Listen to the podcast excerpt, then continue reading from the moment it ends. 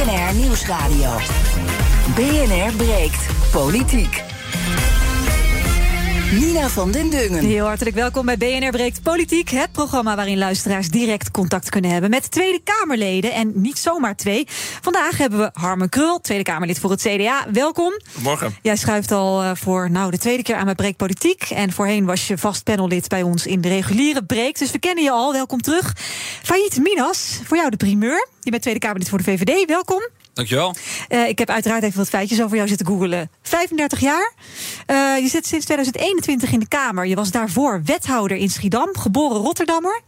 Loco-burgemeester in Schiedam. Je kreeg in 2020 de titel Beste jonge bestuurder van Nederland. Waar heb je dat nou weer aan verdiend? Ja, wat een eer, hè? Ja. Prachtig, maar waar, waar had je het aan verdiend? Ja, je moet gewoon hard je best doen. Als je je werk leuk vindt, gaat het vanzelf. Ja, maar dat en, doen er uh, wel meer mensen. Niet ja. iedereen wordt de jongste bestuurder. Nee, nee dat, klopt, dat klopt. En gelukkig zijn er ook andere mensen die dat zien. En die kunnen je dan ja, opgeven dat jij mogelijk kandidaat wordt voor die verkiezing. Een beetje een soort lintjes-effect. ja, zoiets. heeft toch wel iets nostalgisch. Ja, ja, ja. Oké. En ik zag ook dat jij de arbeidsmarkt bent opgegaan als projectontwikkelaar. Zeker. Hoe kom je dan in de politiek terecht? Ja, ja, ja, ik hou van de gebouwde omgeving. En weet je wat mooi is? We zijn nu in Amsterdam. Hier boven ons, eigenlijk links achter ons, staat de Amstel Tower. Dat is een van de projecten waar wij aan hebben gewerkt ja? in die tijd. Uh, ik hou gewoon van de gebouwde omgeving. Ik wil de gebouwde omgeving mooier maken.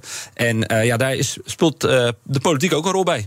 Ja, maar dan strap je dus over van het eh, prachtig en mooi maken van de bebouwde omgeving naar de politiek. Ja, ja, ik kan daar heel lang over uh, uitweiden, maar dat ga ik niet doen. Betaalde kijk, gewoon beter, de politiek. Nou, dat is helemaal niet waar. Was maar zo'n feest. maar wat wel interessant is, is, kijk, uh, ik voel me gewoon maatschappelijk betrokken. En uh, mijn vader is hier ooit als arbeidsmigrant naartoe gekomen. Die zei, je moet ook iets terug doen voor de samenleving die je zoveel heeft gebracht. En toen ben ik eens na gaan denken. Ik zat al in de gemeenteraad en toen kreeg ik de kans om wethouder te worden. En ja, nou ben ik in de Tweede Kamer beland. Nou, mooi. Dan gaan we lekker beginnen met... BNR breekt. Breekijzer. En dat breekijzer heeft alles te maken met...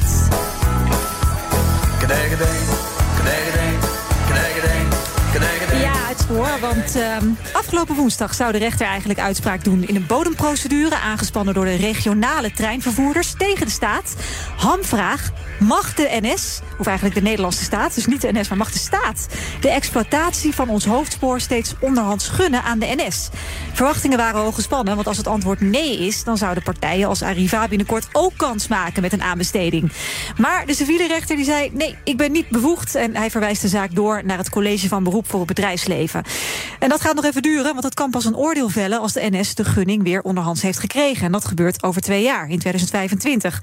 Dus het is weer vertraging. Het lijkt wel uh, reizen met de trein. En Guus had er ook al last van. Die hadden wat vertraging en mijn god, daar baal ik van. Omdat ik nu tien minuten minder bij kan. Ja, Guus had er toen al last van. Tien hè, die minuten tien minuten. maar, de tien ja. minuten, ja, daar zouden we nu omjuichen, tien minuten maar. Nou, flauw. Betekent in elk geval dat de NS eh, voorlopig nog heer en meester is op ons hoofdspoor. Moeten wij als reizigers daar nou blij mee zijn? Zou een openbare aanbesteding niet gewoon leiden tot een betere partij op het spoor? Is meer marktwerking beter voor de reiziger of vooral voor de zakken van de bedrijven? Bijvoorbeeld de Deutsche Bahn, hè, die is de moeder van Arriva.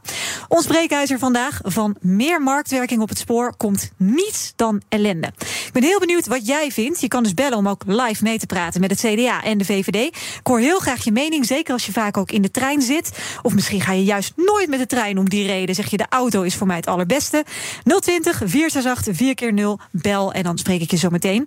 Bij mij dus Failliet Minas van de VVD en Harmen Krul van het CDA. Uh, CDA. Failliet, ben je het eens of oneens? Zorgt voor niets dan ellende, meer marktwerking. Nee, daar ga ik helemaal niet in. En dat is ook uh, aangetoond. We hebben 25 jaar geleden hebben wij een aantal lokale spoorlijnen gedecentraliseerd. Die hebben we overgelaten aan de lokale overheden. Die hebben ze aanbesteed. Daar kwamen andere partijen voor op het spoor. En uit onderzoek is gebleken dat die partijen meer treinen zijn gaan rijden, betere treinen zijn gaan rijden. En dat de reizigerstevredenheid daar is toegenomen op die trajecten. Dus meer marktwerking is wel degelijk goed. Zeker, het mag geen doel zijn, maar het is wel goed voor de reiziger. Ja, Harmen? Nou ja, ik, niks dan ellende, dat, dat vind ik dan wat, uh, wat cru. Maar laat ik dan uh, gewoon ook, om het een beetje leuk te maken, hier zeggen van nou, ik ben het wel, wel eens met die stelling. Het openbaar vervoer is een, uh, is een publieke voorziening. Mhm. Mm -hmm. En mensen zijn ervan afhankelijk en het heeft een ontzettend maatschappelijke, maatschappelijke inslag. En wat dat gaat, vinden wij echt ja, dan, dan moet je niet te veel aan de markt overlaten. Dan moet je als overheid ook je verantwoordelijkheid nemen. We zien op heel veel terreinen dat marktwerking doorslaat. En het kan doorslaan. En dan ineens ook een, een, een ongelooflijk tegendraads effect krijgt. Doordat het ja, maar minder goed wordt. Dus ons complexe hoofdrailnet maar blijven opknippen onder de hoogste bieders, ja, daar gaan de treinen niet beter van rijden. Nee, oké. dus eh, CDA zegt eh, eh, oneens wat dat betreft. Eh, je moet vooral geen, niet meer marktwerking willen om die reiziger te beschermen. Jullie zijn het ermee eens, failliet als VVD. Maar je hebt helemaal geen zin in die aanbesteding, toch? Jullie willen gewoon dat de NS onderhands die gunning weer krijgt. Kijk, wat wij zeggen is dat we in Nederland een heel complex spoornetwerk hebben. Dat zie je ook, want ja, reizigers kunnen van elke plek kunnen, eh, op elke bestemming ko- komen en die hoeven bijna niet over te stappen. Dat maakt dat spoorcomplex ook, eh, eh, dat spoor in Nederland ook er, heel complex. En wat je vooral moet doen, is je moet ervoor zorgen dat er één partij is die dat spoor aanbiedt. En dat Ja. is de NS. En dat moet je vooral zo houden voor de belangrijkste verbindingen. Dat zijn bijvoorbeeld de intercities. Maar dat kan toch aan Arriva eventueel wel overnemen? Dan is er toch ook één partij op het hoofd, hoofdspoornet? Ja, kijk, en dan krijg je de discussie: waarom zou je dat doen als de NS dat nu ook al heel goed doet? Nou, en omdat doen ze dat zo goed?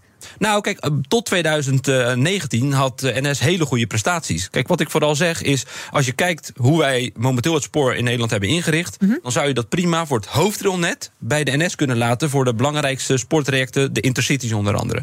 Maar er zijn echt wel kansen, bijvoorbeeld in Noord-Nederland, hè, de, de- dat hebben we tussen Leeuwarden en, eh, en Groningen al eerder gedaan. Maar in Limburg gebeurt het ook al. Daar rijdt NS de intercities en de lokale treinen die worden allemaal door Arriva gereden. En dat gaat hartstikke goed en de reiziger die profiteert daarvan. Als je kijkt naar het belang van de reiziger, dan is die reiziger erbij gebaat dat we de NS de intercities laten rijden en kijken waar we eh, de lokale sprinters door andere partijen kunnen laten rijden. Nou ja, dat is natuurlijk de vraag. Hè? Eh, Riva zelf zegt oneerlijk dat de NS onderhands die gunning krijgt. Je moet dat gewoon netjes via een Europese aanbesteding doen. En dan kies je daarna de beste, goedkoopste, et cetera, kwalitatief gezien het beste partij. Dus dan kun je alsnog bij de NS uitkomen. Maar het feit dat er niet eens zo'n aanbesteding is, dat is toch eigenlijk totaal niet iets van nu, Harmen. Nou, is, is dat zo? Is dat zo dat je, dat je echt kijkt Het is naar, geen staatsbedrijf. naar zaken waar je, waar je echt een bepaald publiek belang in ziet? Hè? Van het is een Mhm. publieke voorziening dat mensen met het openbaar vervoer kunnen. Nou, dan vind ik het juist wel van deze tijd. Gelukkig maar dat de overheid daar steeds meer van zegt: oké, daar moeten we ook veel meer Ja. eh, zelf een vinger. een- een- een Maar je kan die NS nog steeds, hè, met een openbare aanbesteding, kan je die NS nog steeds kiezen. Omdat het dus daadwerkelijk uit de beste partij, eh, als beste partij uit de bus komt. Maar dan heb je wel een transparant proces waarin iedereen mee kan dingen. Wat is daarop tegen?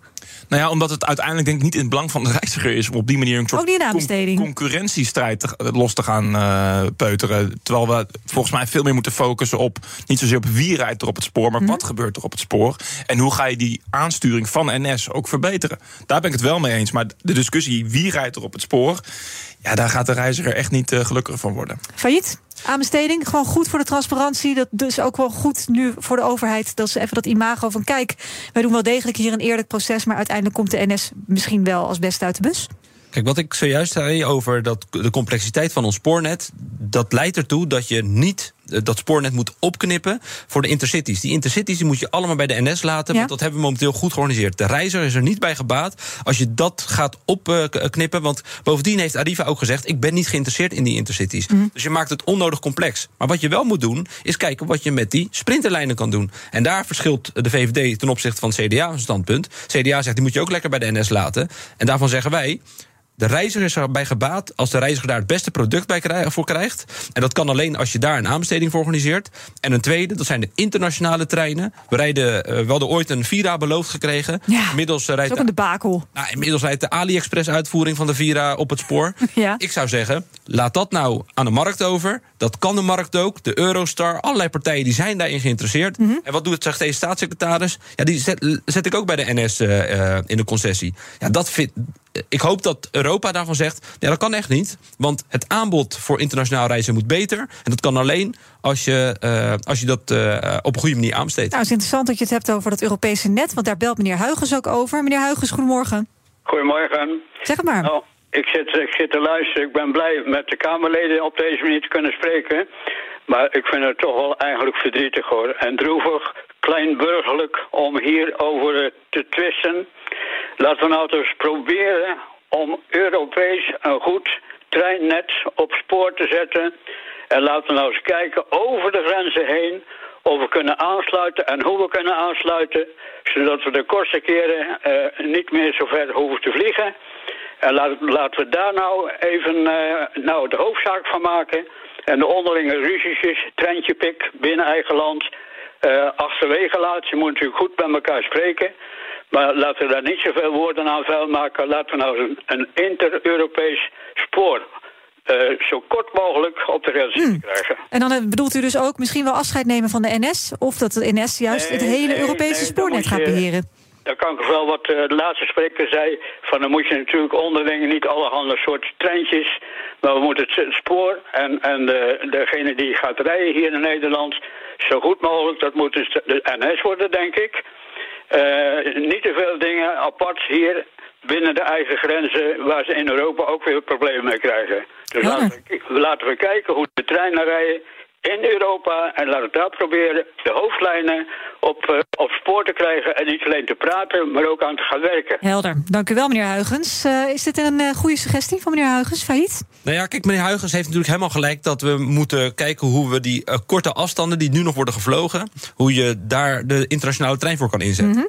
Maar dat moet, die trein die moet wel concurrerend kunnen zijn ten opzichte van dat vliegtuig. Ja. En als je dat aan een monopolist overleidt, eh, overlaat, eh, in dit geval de NS, eh, ja, die dat samen met Thalys rijdt, waar je dus eigenlijk helemaal geen andere spelers op toelaat. Als je dat in open toegang zou kunnen doen, dan komen er andere partijen. De ervaring in het buitenland, in Italië, in Spanje, leren dat daardoor de prijzen veel goedkoper worden. Dat de dienstverlening voor de reiziger omhoog gaat. En dat is wat we willen. We willen meer mensen in die trein hebben, juist in die internationale trein. Dat kan alleen als je dat in concurrentiegerichte eh, vorm gaat doen. Harmen, CDA? Nee, daar ben ik het niet mee eens. Daar ben ik, daar ben ik het niet mee eens. Omdat het risico van alles aan de markt overlaten ook zomaar zou kunnen zijn dat er ergens helemaal geen openbaar vervoer meer is. Omdat het niet rendabel is. Ik hoor, eh, ik hoor mijn collega van de VVD alleen maar praten over het kan goedkoper. En dan komt meer aanbesteding, concurrentie maakt het dan ook weer, weer efficiënter. En, en nee, het gaat uiteindelijk om dat die reiziger van A naar B kan komen. Ook als het een lijn is waar misschien niet zoveel reizigers Ja, zijn. maar kosten zijn ook belangrijk, voorziening- De kosten zijn belangrijk, maar moeten niet leidend zijn. Dat is het rendementsdenken waar wij al 30 jaar in gevangen zitten.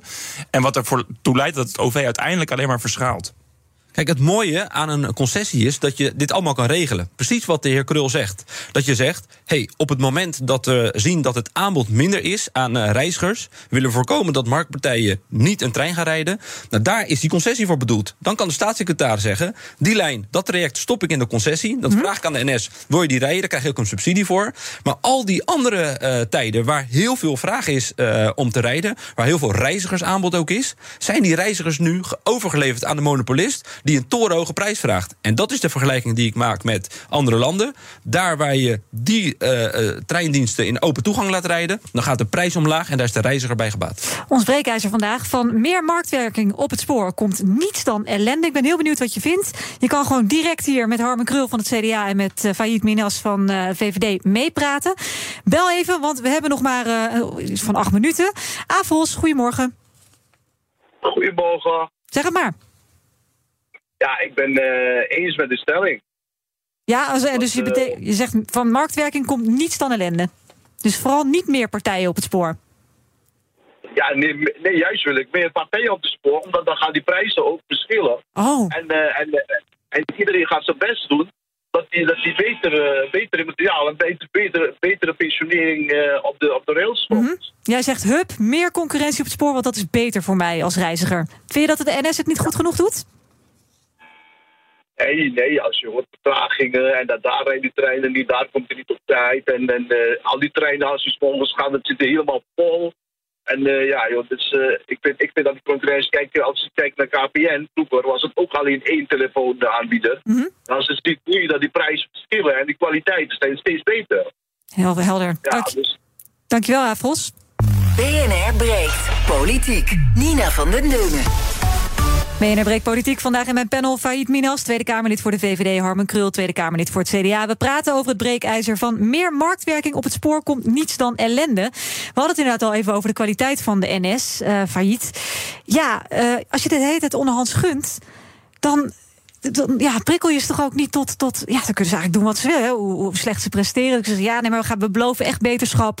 Volgend jaar gaat het echt beter. En dan, ja, wat komt er van terecht? Ja, ja dat is helemaal waar. Kijk, de, de vorige inspreker die zei dat ook al. Uh, we hebben dat met de post uh, gezien. We hebben dat met de telefonie gezien. Op het moment dat je dat aan een monopolist overlaat, weet de consument gewoon niet of hij het beste product krijgt. Ja. En dat betekent niet dat, het, dat marktwerking het doel moet zijn. Want het OV is een publieke dienst. En daarom moet je zorgvuldig zorgvuldig omgaan met belastinggeld. En op het moment dat je dat aan de markt overlaat en die markt uitdaagt om het beste product te leveren, dan zal die markt ook zeggen: Nou, dit is de subsidie die ik daarvoor nodig heb. Als je, dat, als je al- alleen maar afhankelijk bent van de NS, weet je dat niet. Dus je hebt ook geen referentiekader. En daarom zeg ik. Zorg ervoor dat je die reiziger meer aanbod aanbiedt, meer eh, eh, keuzevrijheid. En dat gaat ertoe leiden dat we meer treinen krijgen en meer reizigers. En dat is goed voor het spoor en goed voor de Ja, reiziger. maar het, strookt, het, strookt wel te- het gaat wel in tegen wat je eerder zegt... dat, dat, je gewoon, dat de NS gewoon intercities moet exploiteren. Ja, kijk, de intercities wel, simpelweg omdat we die al hebben. Die hebben, zijn betaald van onze belastingcenten. NS is een staatsbedrijf. Hè. Kijk, wij, het, de 100% van de aandelen die zijn in eigendom van de overheid. Op het moment dat, we, dat NS op basis van zo'n aanbesteding... de hele concessie zou kwijtraken... ja, dan hebben we een gigantisch probleem. Dan zit je in een overgangsfase, zit je met het Dus daarom zeg ik, laat NS doen waar ze goed in zijn. Ze kunnen prima die, NS, eh, die intercities exploiteren. En zorg ervoor dat je de internationale treinen... en de sprinters in regio's aan marktpartijen overlaat. Armen? Vervang nou eens het woord vervoer, vervoerders in het betoog van de heer Minas met het woord zorgaanbieders. En we hebben de start van de marktwerking in de zorg. Wordt het allemaal beter van, want ze gaan concurreren en uiteindelijk komt dat de zorg ten goede. Heel even waar en op een gegeven moment loopt het gewoon knettervast. En dat gaat op het spoor ook gebeuren. Het is zo ontzettend complex en dicht gepakt, ons spoor. Als je dat alsmaar blijft opknippen en aan de hoogste bieder een stukje traject geeft, daar is de reiziger niet bij gebaat. Waar ik het wel mee eens ben, is dat de NS de dienstverlening moet verbeteren. Daar ben ik het wel mee eens. Ja, en dat kan dus ook. hardere prestatieafspraken. Exact. Niet alleen op geld, maar juist ook op, op klant, klanttevredenheid, op punctualiteit. Is het voorspelbaar voor de reiziger? Niet alleen maar sturen op geld, maar juist wat de reiziger ten goede komt. Van meer marktwerking op het spoor komt niets dan ellende. Maarten, ben je het eens of oneens? Ja, daar ben ik het mee eens. Vertel. Nou, ik denk niet dat we per se moeten kijken naar, naar een NS of naar marktpartijen. Ik denk dat we moeten kijken met naar het verleden hoe goed we het gedaan hebben op internationaal spoorgebied. Ja. We hebben zo ontiegelijk veel internationale treinen gehad. Er was, nou, tot, tot de jaren negentig was er keus te over. Je kon, eh, je kon naar Luxemburg, je kon naar Denemarken, je kon eigenlijk overal naartoe. En al dat soort treinen zijn in internationaal verband, ja, wegbezuinigd, weet ik het wat. Totaal verschaald, En zeg jij. En wie schuld ja, is dat? heel erg verschaald. Ja, en nu roept iedereen, ah, het moet anders en het moet beter en wat dan ook. Als je dan naar het verleden kijkt en naar de dienstregeling, dan zou ik eerder kijken, wat is het verleden misgegaan? Waarom hebben we dat wegbezuinigd en geschrapt? En wat kunnen we weer opkalefateren eh, met de kennis vanuit het verleden? En als je vraagt, nou weet je, kan de NS wat doen? Als je oude filmpjes terugkijkt van bijvoorbeeld eh, Ingenieur Den Hollander, dat is een oud NS-directeur. Ja. Die heeft het hele TAE-netwerk, een eh, compleet internationaal treinnetwerk bedacht. En dat heeft gereden. Ehm, dus ik denk dat we veel te veel naar de huidige tijd kijken. Van hey, wat kunnen we nu doen en wat is er nu nodig en wat moet er geschrapt en wie moet er gestraft worden. Ik denk dat je eerder moet kijken naar het verleden. Wat is er geweest? Wat kunnen we heractiveren? Waar is er opnieuw vraag? Waar we dingen hebben weggedaan? En wat hebben we in het verleden gewoon fout gedaan? Goeie tip, dankjewel Maarten. Interessant, eh, Harmen. Wat Zeker. kunnen, we leren uit het, eh, wat kunnen we leren van het verleden? En dan heb je niet per se allemaal nieuwe marktpartijen nodig... die allemaal een nieuw kunstje gaan proberen. Nee, en die internationale trajecten die zijn heel belangrijk. En die moeten dus ook in die concessie. Dat is helemaal waar. Maar kijk ook even naar de, naar de ontwikkelingen die nu ook plaatsvinden, Europees. Hè. Dat, dat, er gebeurt namelijk heel veel. We hebben nu eh, het zogenaamde eh, Trans-Europees netwerk trein. Het, TNT worden we dan eh, wel eens genoemd. En daar komen steeds meer van die Nederlandse lijnen in. Er komt een lelielijn aan in Nederland. Wat echt een fantastische internationale lijn wordt. Die helemaal door naar Duitsland loopt. Die ook juist op een Europese manier ingestoken wordt. Dus er gebeurt heel veel. En ja, die internationale zijn belangrijk. Die lijnen zijn belangrijk. En daarom moeten ze ook in die concessie Ja. terechtkomen. We hebben het over één ding nog niet gehad. En dat is namelijk dat eh, Europa tegen ons zegt... eh, hè, die heeft ons echt op de vingers getikt... Er moet gewoon aanbesteed worden, jongens. Dit is niet eh, hoe, hoe we dit doen in, eh, in Europa. Je kan niet zomaar onderhands dit gunnen. Waarom doen we dat dan niet gewoon, Harmen? Ja, kijk, zonder nu de, de klemmen van, eh, van, van het Europees recht te bespreken, mogen duidelijk zijn dat, dat de lijn van de Europese Commissie niet de lijn van ons is. Daar zijn wij niet, niet, niet blij mee, want het, het lijkt bij, zeker bij de Europese Commissie een doel op zich. Dat open access, hè. dus alles maar open en alle marktpartijen mee kunnen doen. En wij zijn er gewoon echt van overtuigd dat dat uiteindelijk niet ten goede is voor de reiziger. Failliet? Nou, wat ik jammer vind, is dat het CDA in Europa heeft ingestemd met dat vierde spoorwegpakket. Wat juist regelt dat we naar één Europees eh, spoornetwerk moeten. Waardoor het makkelijk wordt om over de lelielijn, die de heer Krul terecht eh, benoemt. om daar over naar Duitsland en misschien wel door naar Kopenhagen te rijden. Maar waarom zou de NS dat per se moeten doen? En laten we dat niet over aan andere marktpartijen die daar het beste en het goedkoopste product willen neerzetten. Kijk, wij zijn in dat eh, opzicht denken we er anders over. En Europa heeft daar helemaal gelijk. Europa zegt: onderzoek nou of er andere partijen geïnteresseerd zijn. Europa zegt niet per se, je mag niet gunnen aan de NS. Als je kan aantonen dat je netwerk complex is... dan hoef je niet eh, per se eh, eh, eh, te gunnen een open toegang discussie te voeren. Maar je moet wel aantonen dat er geen marktvraag is. En juist die marktvraag die zit er op die internationale lijnen. En die markt die zegt ook... Ik wil lokale lijnen exploiteren. Dus waarom gaan we daar niet voldoen aan de afspraken die ook het CDA heeft gemaakt in Europa? We gaan nog even naar twee laatste bellers. Bastiaan, goedemorgen. Hey, goedemorgen. Zeg het ik, had, eh, ik ben het eens met de stelling. En Ja, in die waarom? zin ben ik het ermee eens, omdat, eh, omdat als de NS alle lijnen beheert, dan beheert hij de onrendabele lijnen en de rendabele lijnen. Met name de rendabele lijnen, die brengen geld op. En die, die financieren eigenlijk de onrendabele lijnen. Gaan we die rendabele lijnen verkopen eh, aan marktpartijen, gaan die daar goed aan verdienen. En dan moet de maatschappij met z'n allen eh, geld, enorm veel geld bijbrengen om die onrendabele lijnen intact te houden. Of die komen dan te vervallen. Eigenlijk zie ik dat hetzelfde als in de zorg. Eh, ik betaalde vroeger voor, eh, voor de zwangerschap of voor, de, voor, de, voor dameszaken. ik vond het niet erg. Ik betaalde in ieder geval niet al te veel. Ik betaalde ge- gemiddeld goed. Ja. Nu betaal ik dubbele, veel voor alleen... Ja, nu betaal ik ontiegelijk veel voor hetgene wat ik dan af kan nemen. Maar het is alleen maar veel duurder geworden. Terwijl als we met z'n allen als pakket het eh, geheel hadden blijven betalen... had het volgens mij een stuk goedkoper gebleven. En dat lijkt me bij de NS, het, eh, of bij de spoorwegen, precies hetzelfde. Helder, dankjewel Bastiaan. Het wordt veel te duur, zegt hij. Tot slot, kort, Arnold.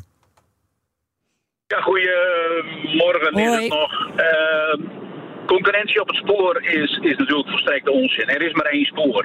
En de vergelijking met eh, eh, de, de post of de vergelijking met de telefonie, eh, die gaat compleet mank. Want eh, de telefonie heeft zijn eigen netwerken. Eh, we hebben drie netwerken, mobiele netwerken in Nederland. Die kunnen gewoon op een eigen manier eh, werken en daardoor concurrerend of niet concurrerend zijn. Idem dito met de post. Eh, elke aanbieder van pakketdiensten of postdiensten kan met zijn eigen planning en met zijn eigen pakketauto's slimmer, makkelijker, beter gaan werken en daardoor concurrerend zijn. Ja. Maar het spoor, er is, er is één baantje spoor en dat zit. En er treintje A of treintje B. Volstrekt onzin. Marktwerking op het spoor. Helder. Dankjewel Arnold. Volstrekte onzin, zegt hij. We gaan even naar een eh, conclusie. Ehm, de rechter doet dus nog geen uitspraken in die zaak Arriva over de gunning. Zou de staat hier niet gewoon toch simpel het voortouw moeten nemen en gesprekken starten voor de komende vijf tot tien jaar over eventueel een aanbesteding? Kort concluderend, Harmen. Nee, en de eerste beller die zei het eigenlijk geweldig. Mobiliteit of bereikbaarheid moet geen voorrecht zijn voor waar het rendabel is, maar uiteindelijk een basisrecht voor heel Nederland. En daarom moeten we de marktwerking op het spoor aan banden leggen. Failliet. Ik vind dat we heel goed moeten kijken naar het belang van de reiziger. En als je kijkt naar het belang van de reiziger, dan is hij gebaat bij het beste product. En natuurlijk zijn er lijnen die niet altijd rendabel zijn. Die moet je juist in een concessie stoppen. En daar moet subsidie naartoe. En dat kan je betalen van de lijnen die geld opleveren. En die moet je aan de beste partij overlaten. En dat kunnen ook andere spelers zijn dan NS. Ons breekijzer van meer marktwerking op het spoor komt niets dan ellende. Daar hebben we natuurlijk ook een Insta-polletje van gemaakt. 72% is het daarmee eens. Die zijn echt niet voor meer marktwerking in andere vervoerders dan de NS. 28% is het er mee oneens. Daarvan eh, zijn we nu op de hoogte. Veel dank aan alle bellers. Eh, dank voor het bellen. Straks gaan we naar een primeur. Want de G7-landen die gaan maandag voor het eerst overleggen over de rol van kunstmatige intelligentie. En we kijken nog ook even ietsje verder vooruit naar deze zomer. Want dan moet de F-16-training voor de Oekraïense piloten van start gaan. En dat gaan we hier in, althans niet in Nederland, maar in elk geval door Nederlanders doen. Dat bespreken we straks in BNR Breek Politiek. Het Eneco Klimaatreport van deze week komt uit Amsterdam. Ik ben Pascal en ik sta hier met de oprichter van Wikkelhuis op de werkplaats. Oep, wat zie ik hier? Ja, je ziet allemaal huisjes. Ja, En welke rol speelt energie-efficiëntie in jullie ontwerp- en bouwproces? We bouwen alleen maar met hernieuwbare materialen. Maar het leukste is dat we eigenlijk uh, zonne-energie gebruiken voor onze elektriciteit. We hebben duizend zonnepanelen op ons dak van de werkplaats. Duizend zonnepanelen, dat zijn er een hoop. Ik kan me voorstellen dat er veel stroom vanaf komt. Ja, er komt een enorme bak met stroom uit. En soms in de zomer is dat ook te veel. En daarom werken we samen met uh, Eneco, met het uh, opwek optimaal systeem. En wat doet dat systeem? Een soort dimmer. Dat als er te veel stroom is, dat je dat zeg maar wat terug reguleert, zodat er geen netcongestie ontstaat. Want dan zou alles vastlopen. Uh, juist de balans op het energienetwerk. Ja, precies. En zo werkt Wikkelhuis samen met Eneco aan klimaatambities. Is het ook iets voor jouw bedrijf? Check dan eneco.nl slash klimaatambities.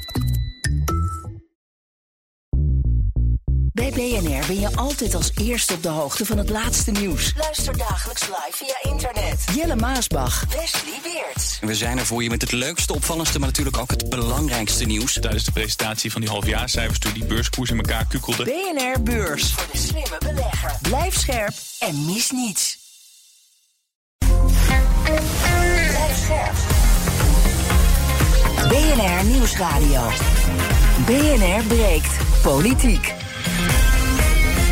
Nina van den Dungen. Welkom bij het tweede deel van BNR Breekt Politiek. In mijn panel vandaag Failliet Minas, Tweede Kamerlid voor de VVD... en Harmen Krul, Tweede Kamerlid voor het CDA. Praten even over een aantal nieuwtjes van vandaag. Nou, de G7 die gaat volgende week voor het eerst overleggen... over kunstmatige intelligentie. Dat gebeurt op het zogenoemde Hiroshima-AI-proces. Daar gaan de wereldmachten in gesprek over desinformatie. Want ja, AI die kan de meest uh, bizarre dingen bedenken... en het lijkt gewoon hartstikke echt. En uh, daar is misschien dus wel regulering voor nodig. Daar gaan ze het over hebben bij de G7. Eind dit jaar moet er dan een uh, werkgroep komen met aanbevelingen. En de OESO die wordt ook nog gevraagd om hier input op te geven. Harme, wat is jouw gevoel bij uh, überhaupt bij de razendsnelle ontwikkeling van AI? Nou, allereerst vind ik het wel weer typisch uh, de G7 heel Nederland, de halve wereld van alle middelbare scholieren, die, die leveren hun werkstuk al ingeschreven door de AI. En wij gaan nu er pas over nadenken. Het heeft het gaat nu razendsnel, maar het wordt al acht jaar ontwikkeld. En oh nee, nu gaan we het reguleren. Het is echt wel weer typisch achter de wagen aanlopen. Um, maar het is wel nodig. Want het, het kan veel meer dan, uh, dan we überhaupt ons kunnen voorstellen. Maar het is wel weer laat hoor. Te laat. Failliet? Ja, ik denk ook dat het eerder had gekund. Uh, kijk, wat ik heel veel partijen hoor roepen. Uh, als ik uh, kijk online, dan ja, te zeggen partijen: ja, ga nou naar een verbod toe. Vind ik veel te ver gaan. Ik denk dat je kinderen moet beschermen tegen ja, de negatieve effecten. We moeten goede toezicht Alleen kinderen? Hebben. Of, Nou, nee hoor, eens. Natuurlijk is het veel breder. Je moet, de, je moet de samenleving kunnen beschermen tegen negatieve effecten. Moet je ook toezichthouders hebben die op een goede manier tegen, tegen kunnen optreden. Um, maar ik vind AI aan zich een hele goede ontwikkeling. Maar het moet wel degelijk gereguleerd worden. En wat zie je bijvoorbeeld voor je als je daar eventjes uh, uit de losse pols over nadenkt? Want een autoriteit die daar uh, toezicht op moet houden. Ja. Waar denk je dan aan? Nou ja, kijk, we hebben natuurlijk ook toezichthouders als het gaat om ongewenste uh, ontwikkelingen, als het gaat uh, uh, om de markt, om economische zaken bijvoorbeeld. Hè, de Nederlandse mededingenautoriteit, de ACM. En dat kan je ook zien voor social media. Als je ziet dat dat negatieve effecten heeft op de samenleving, op de opvoeding van kinderen, ja, dan vind ik dat je echt wel een toezichthouder moet hebben die daar op een scherpe manier de kaders voor stelt, wat we wel en niet als, als samenleving acceptabel vinden. Ja, Harme, hoe gaan we dit ooit aanpakken? Hè? Als de G7 nu met een werkgroepje komt en die gaan praten over regulering. Uh, hoe gaan we het intellectueel eigendom regelen? Desinformatie. Hoe ga je dat nou mondiaal ja, ooit regelen? Ja, ik, ik wil nu niet uh, een heel uh, pessimistisch beeld schetsen, maar ik denk dat dat, dat weet ik niet. Het is echt heel ingewikkeld. Het is heel ingewikkeld, omdat de mogelijkheden ook vrijwel onbeperkt zijn. Nou ja, en je hebt gewoon vrijheid van meningsuiting. Dus ergens zeg je ook van, nou, wat, wat kun je dan beknotten eventueel? Ja. Wat kun je reguleren zonder dat je aan zeker de westerse uh, vrijheid van meningsuiting gaat tornen? Dat, en we weten ook dat technologie zich niet aan landsgrenzen houdt. Hè. Dus, dus ja. wat ergens gereguleerd wordt, kan zomaar ergens anders uh, weer wel weer mogen. Dat wordt heel ingewikkeld. En, en wat het kan, hè, ik, ik zag gisteren zag ik een filmpje van, van een AI die was gewoon gevraagd: zet een succesvol YouTube-account op wat geld maakt. En dat deed het gewoon. Dat, in no time. In no time, ja. ja. Volledig ge gegenereerd zelf. En, Had ik dat uh, maar ingevoerd. Ja, ja, ja. ja. Nou ja, ik, ik vraag me af, krijgen we dan hier niet weer een geopolitiek spel... met landen die allemaal een eigen koers willen varen... Uh, die allemaal hun eigen belangen hebben... En waarbij je wel probeert tot werkbare afspraken te komen, dat gaat natuurlijk jaren duren. Ja, nou, We zijn de- wel lang ingehaald door de werkelijkheid. Ja, kijk, wat we vooral moeten doen is. Ik, ik denk dat het goed is dat je op G7-niveau erover praat. Hè, want die technologie kent geen landsgrenzen. Maar dat betekent niet dat je als land zelf ook een verantwoordelijkheid om nu al, eh, hebt. om nu alvast na te denken. wat wil ik in Nederland? Wat zijn mijn uitgangspunten? Je hebt het over vrijheid van meningsuiting. Maar die vrijheid van meningsuiting die houdt wel op. op het moment dat die de vrijheid van meningsuiting van een ander schaadt. En op het moment dat je AI voor negatieve zaken kan inzetten. of, of ik kan inzetten voor zaken die heel negatief in de persoonlijke vrijheden van een ander eh, eh, kunnen optreden. Een filmpje maken van iemand en op internet zetten die heel negatief over iemand zou kunnen zijn. zonder dat diegene daar daadwerkelijk in zit, maar door dat toepassing. gebeurt allemaal al, natuurlijk. Nee, eens. En, en dat is juist de reden dat wij er als Nederland over nadenken. Maar ik denk ook omdat het internationaal gewoon zoveel impact heeft, is de, de AI-technologie. Dat er ook op G7-niveau wordt gesproken. Maar we moeten oppassen dat we niet in een polder belanden. waardoor we pas over drie jaar mogelijk tot een besluit komen. Benieuwd hoe dat verder gaat. We gaan eens even kijken naar de F-16-trainingen. Want ehm, ja, die trainingen voor de Oekraïnse piloten ze komen er echt aan. Deze zomer gaan ze van start. Dat eh, zegt defensieminister Kajsa Ollongren. En eh, Nederland en Denemarken die gaan die trainingen leiden. VS heeft gezegd Nederland en Denemarken krijgen de leiding. Zijn jullie blij dat Nederland een, een leidende rol hierin krijgt? Failliet? Ja, ik ben er hartstikke blij mee. Waarom? Omdat, eh, kijk, we hebben nu een oorlog op ons continent. En dat betekent ook dat je je verantwoordelijkheid moet nemen om de veiligheid van ons continent eh, te waarborgen. Ja, je ook. Frankrijk en Duitsland kunnen aanwijzen. Nee, dat klopt. Maar Frankrijk en Duitsland doen ook andere dingen die wij dan weer op een andere manier eh, doen. Hè. Als het gaat om het leveren van, van wapens bijvoorbeeld, inzet Oekraïne. Ik ben blij dat in Europa wel uniformiteit is van joh, we steunen Oekraïne. Daar hebben we ook een bijdrage aan te leveren. En de bijdrage die Nederland aanvullend daar eh, aan levert, is eh, inderdaad die trainingen. F-16-piloten eh treden. Nou, dat vind ik een hele goede ontwikkeling. Armen, jij bent oud-militair. Ik ben wel Ja. benieuwd hoe jij hier naar kijkt. Dat Nederland hier ook een leidende rol in pakt. Nee, ik, ik, ik juich dat ook eigenlijk wel toe, dat wij ons, onze verantwoordelijkheid daarin nemen. Je zag het ook een beetje aankomen, omdat ook, ook Mark Rutte dat ook wel zei. Hè, van we willen een uh, straaljagercoalitie gaan vormen. Maar we hebben het met elkaar gezegd, Oekraïne moet die oorlog winnen. Dat hebben we met elkaar gezegd. En dan moet je denk ik ook alles aan doen om dat in het, in, in het werk te kunnen stellen. En daar horen die F-16's bij. Dus uh, ik juich het wel toe. En wat Fahid zegt, dat klopt helemaal. Uh, Spanje leidt bijvoorbeeld heel veel militairen op van Oekraïne. die doen daar weer veel meer. Voor de grondtroepen. Voor de grondtroepen. Nou, wij, wij doen dan dit. Dus ik, uh, ik juich dat juist wel toe. Maken we ons dan misschien ook juist misschien weer wat makkelijker vanaf? Want we hebben maar een tiental piloten. Kunnen we aan? Ja, ja en nee.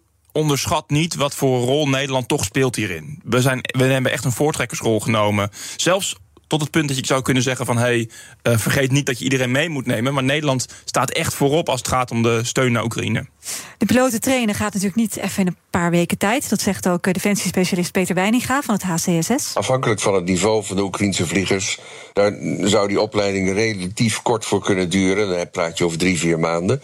Uh, maar inderdaad, als het Engels nog moet, moet worden uh, bijgeslepen, zeg maar... Uh, dan uh, gaat er iets meer uh, tijd op de grond worden besteed.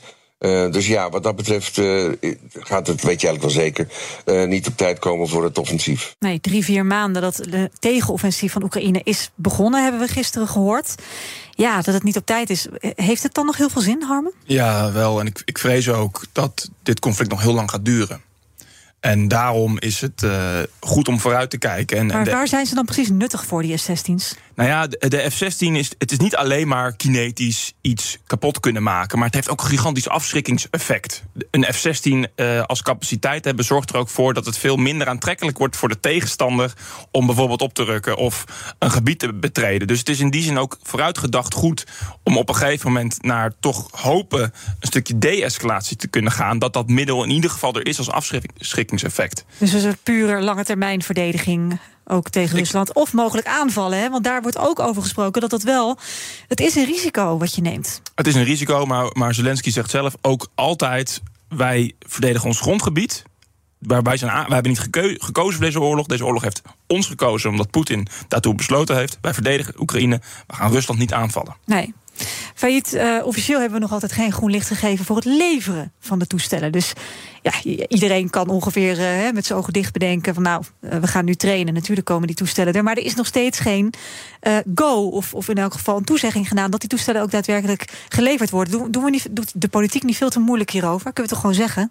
Volgens mij doet de politiek uh, daar helemaal niet moeilijk over. Ik denk dat er politiek brede steun is om na te denken uh, om die toestellen te leveren. Maar dan moet je wel duidelijke afspraken maken waarvoor je ze gaat inzetten. Kijk, als ze worden ingezet om aanvallen te plegen, daarvan zeggen we nee, dat is niet de afspraak. Dus als je aan de voorkant die afspraak goed kan maken, dan denk ik dat het besluit ook snel genomen kan worden dat je ze levert, omdat je die piloten traint. Je traint dus, die piloten niet om ze vervolgens op de bank laten nee, zitten. Dus eigenlijk zeg je ook, het is gewoon wachten tot eigenlijk de, de handtekening van Oekraïne op een papier staat. We gaan niet aanvallen. We gebruiken het alleen defensief. En dan kan Amerika met ons gewoon zeggen: ja, ze, ze krijgen vliegtuigen. Ik denk, ik ken de, de, details niet, maar ik denk dat het daar wel op neer zal komen. Ja, nog heel even over het kostenplaatje. Enig idee wat hiermee gemoeid is dat wij die F-16 uh, Oekraïnse piloten gaan trainen?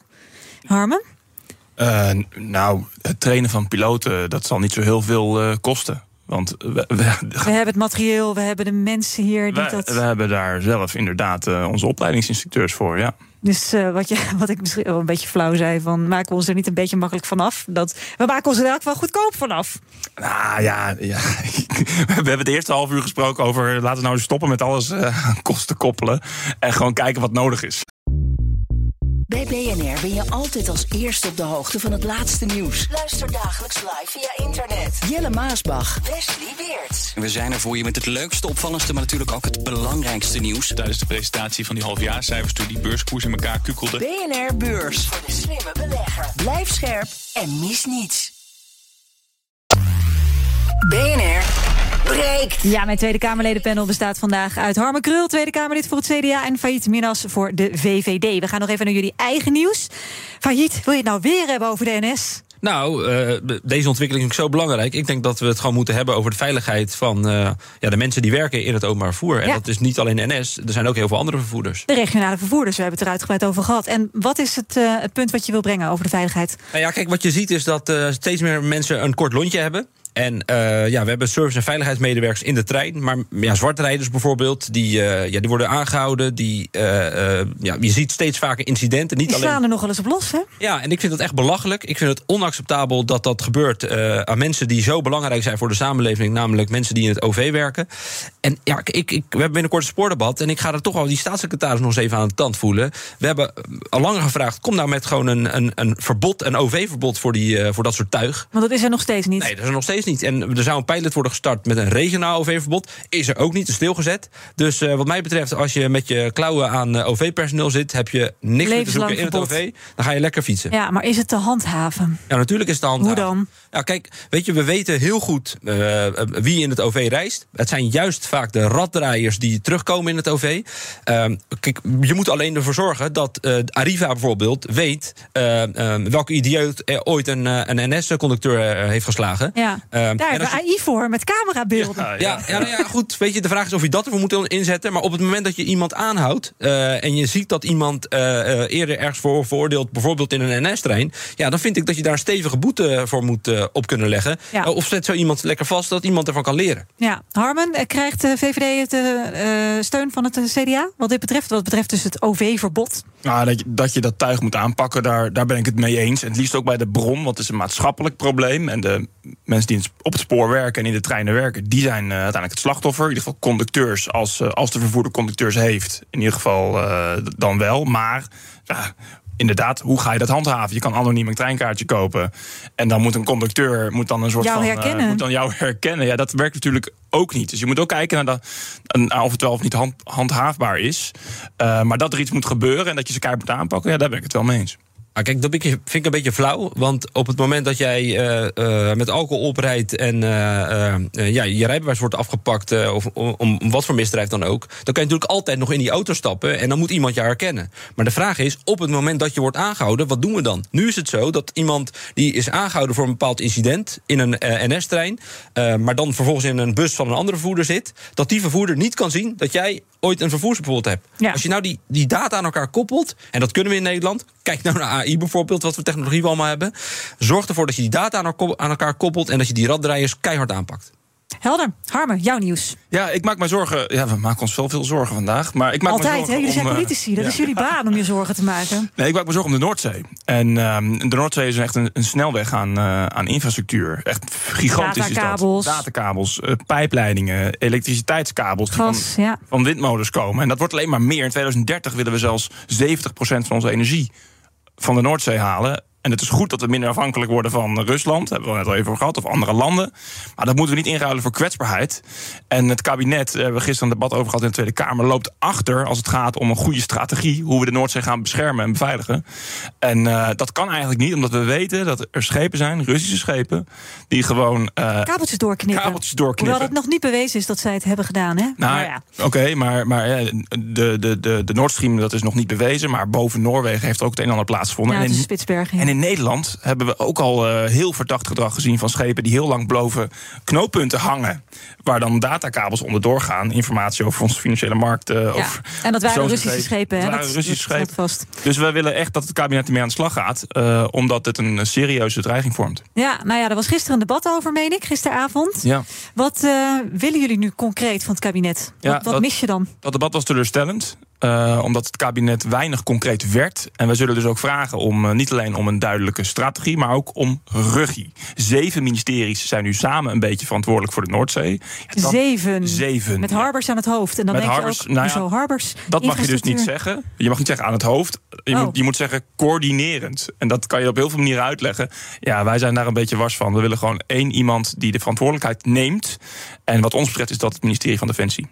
En dat kan het er nog wel bij hebben. Dat moet het erbij hebben, want het is een kerntaak van Defensie om ons grondgebied te beveiligen. Failliet, inderdaad. Ja, ik ben het helemaal eens met Harmen. Eh, als je ziet wat voor vitale infrastructuur we hebben in de Noordzee, hoe belangrijk dat is voor het functioneren van Nederland, maar ook straks de toekomstige energievoorziening, ja, dan kan het niet dat je hier zo laks mee omgaat. En op het moment dat je zegt, ja, vindt het allemaal belangrijk en iedereen is verantwoordelijk, dan is de, dat betekent dat in de praktijk dat niemand er verantwoordelijk voor is. Ja. Dus het is heel belangrijk dat we daar Defensie verantwoordelijk voor gaan maken. Ja, eh, wat ik wel treurig vind, ik heb hier twee coalitiepartijen in eh, de studio.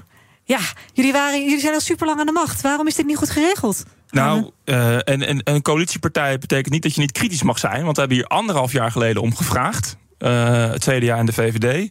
En, dit Toen is, er eerst acht maanden gesteggeld wie er überhaupt verantwoordelijk was. en dit is nu de uitkomst. Dus, dus natuurlijk zijn wij daar heel kritisch op. Ja. Kijk, we moeten ook kritisch zijn naar onszelf. En Niet alleen als Kamer, maar gewoon ook als samenleving. Hoe makkelijk en hoe gemakkelijk we omgaan met dit soort eh, cruciale data-infrastructuur. En energieinfrastructuur en al dat soort dingen meer. En we zien, en dat heeft eh, de oorlog met eh, Oekraïne ons onder andere laten zien. Maar ook de afhankelijkheid die we met China hebben. We moeten goed en beter voor onszelf gaan zorgen. En beter voor jezelf zorgen is ook beter voor je eigen veiligheid zorgen. Ja. En ik moet je eerlijk zeggen, ja, ik zie dat eh, sinds de oorlog in Oekraïne we steeds alerter zijn op dingen. En door wat incidenten op de Noordzee in dit geval en eh, boven Noorwegen de Spitsbergen. En als je dat eh, eh, eh, serieus neemt, en dat moet het kabinet nu ook echt gaan doen, dan denk ik dat, ja, we zijn niet te laat, maar we, we hebben het heel lang eigenlijk een beetje laten verslonzen, omdat Ja. we onze veiligheid maar vanzelfsprekend vonden. Hebben jullie ze een deadline gesteld? Wanneer er nu gewoon echt even een, een goed eh, strategiestuk moet tegen? Ja, we hebben een deadline gesteld van dit jaar. En toen is ons beloofd, nou in september komen we met iets. Maar we hebben toch maar dat plenaire debat aangevraagd. Om het even hard zwart op wit te krijgen. Vertrouwen is goed en controle is altijd beter. Failliet? Ja, mee eens. September is eh, de deal nu? Ja, nou ja, kijk, we hebben er langer geleden om gevraagd. En als je ziet dat het kabinet eh, heel lang met elkaar aan het steggelen is... Ja, dan moet je soms als Kamer toch maar eens even de richting eh, gaan bepalen. En volgens mij is het goed dat we dat op dit belangrijke dossier doen. Helder. Gaan wij naar de social media? Eens even kijken wat er trending is. Nou, hoog in de social media lijstje staan twee zeer bekende stoppers. Allereerst. Het is de allerlaatste koffietijd. Ja. allerlaatste. Ja. Gek, hè? Maar we mogen wel twee uur maken. Ja, Dat is lekker lang. Dus, zullen we? Ja, ja, het is vrijdag 26 mei. Welkom bij Koffietijd!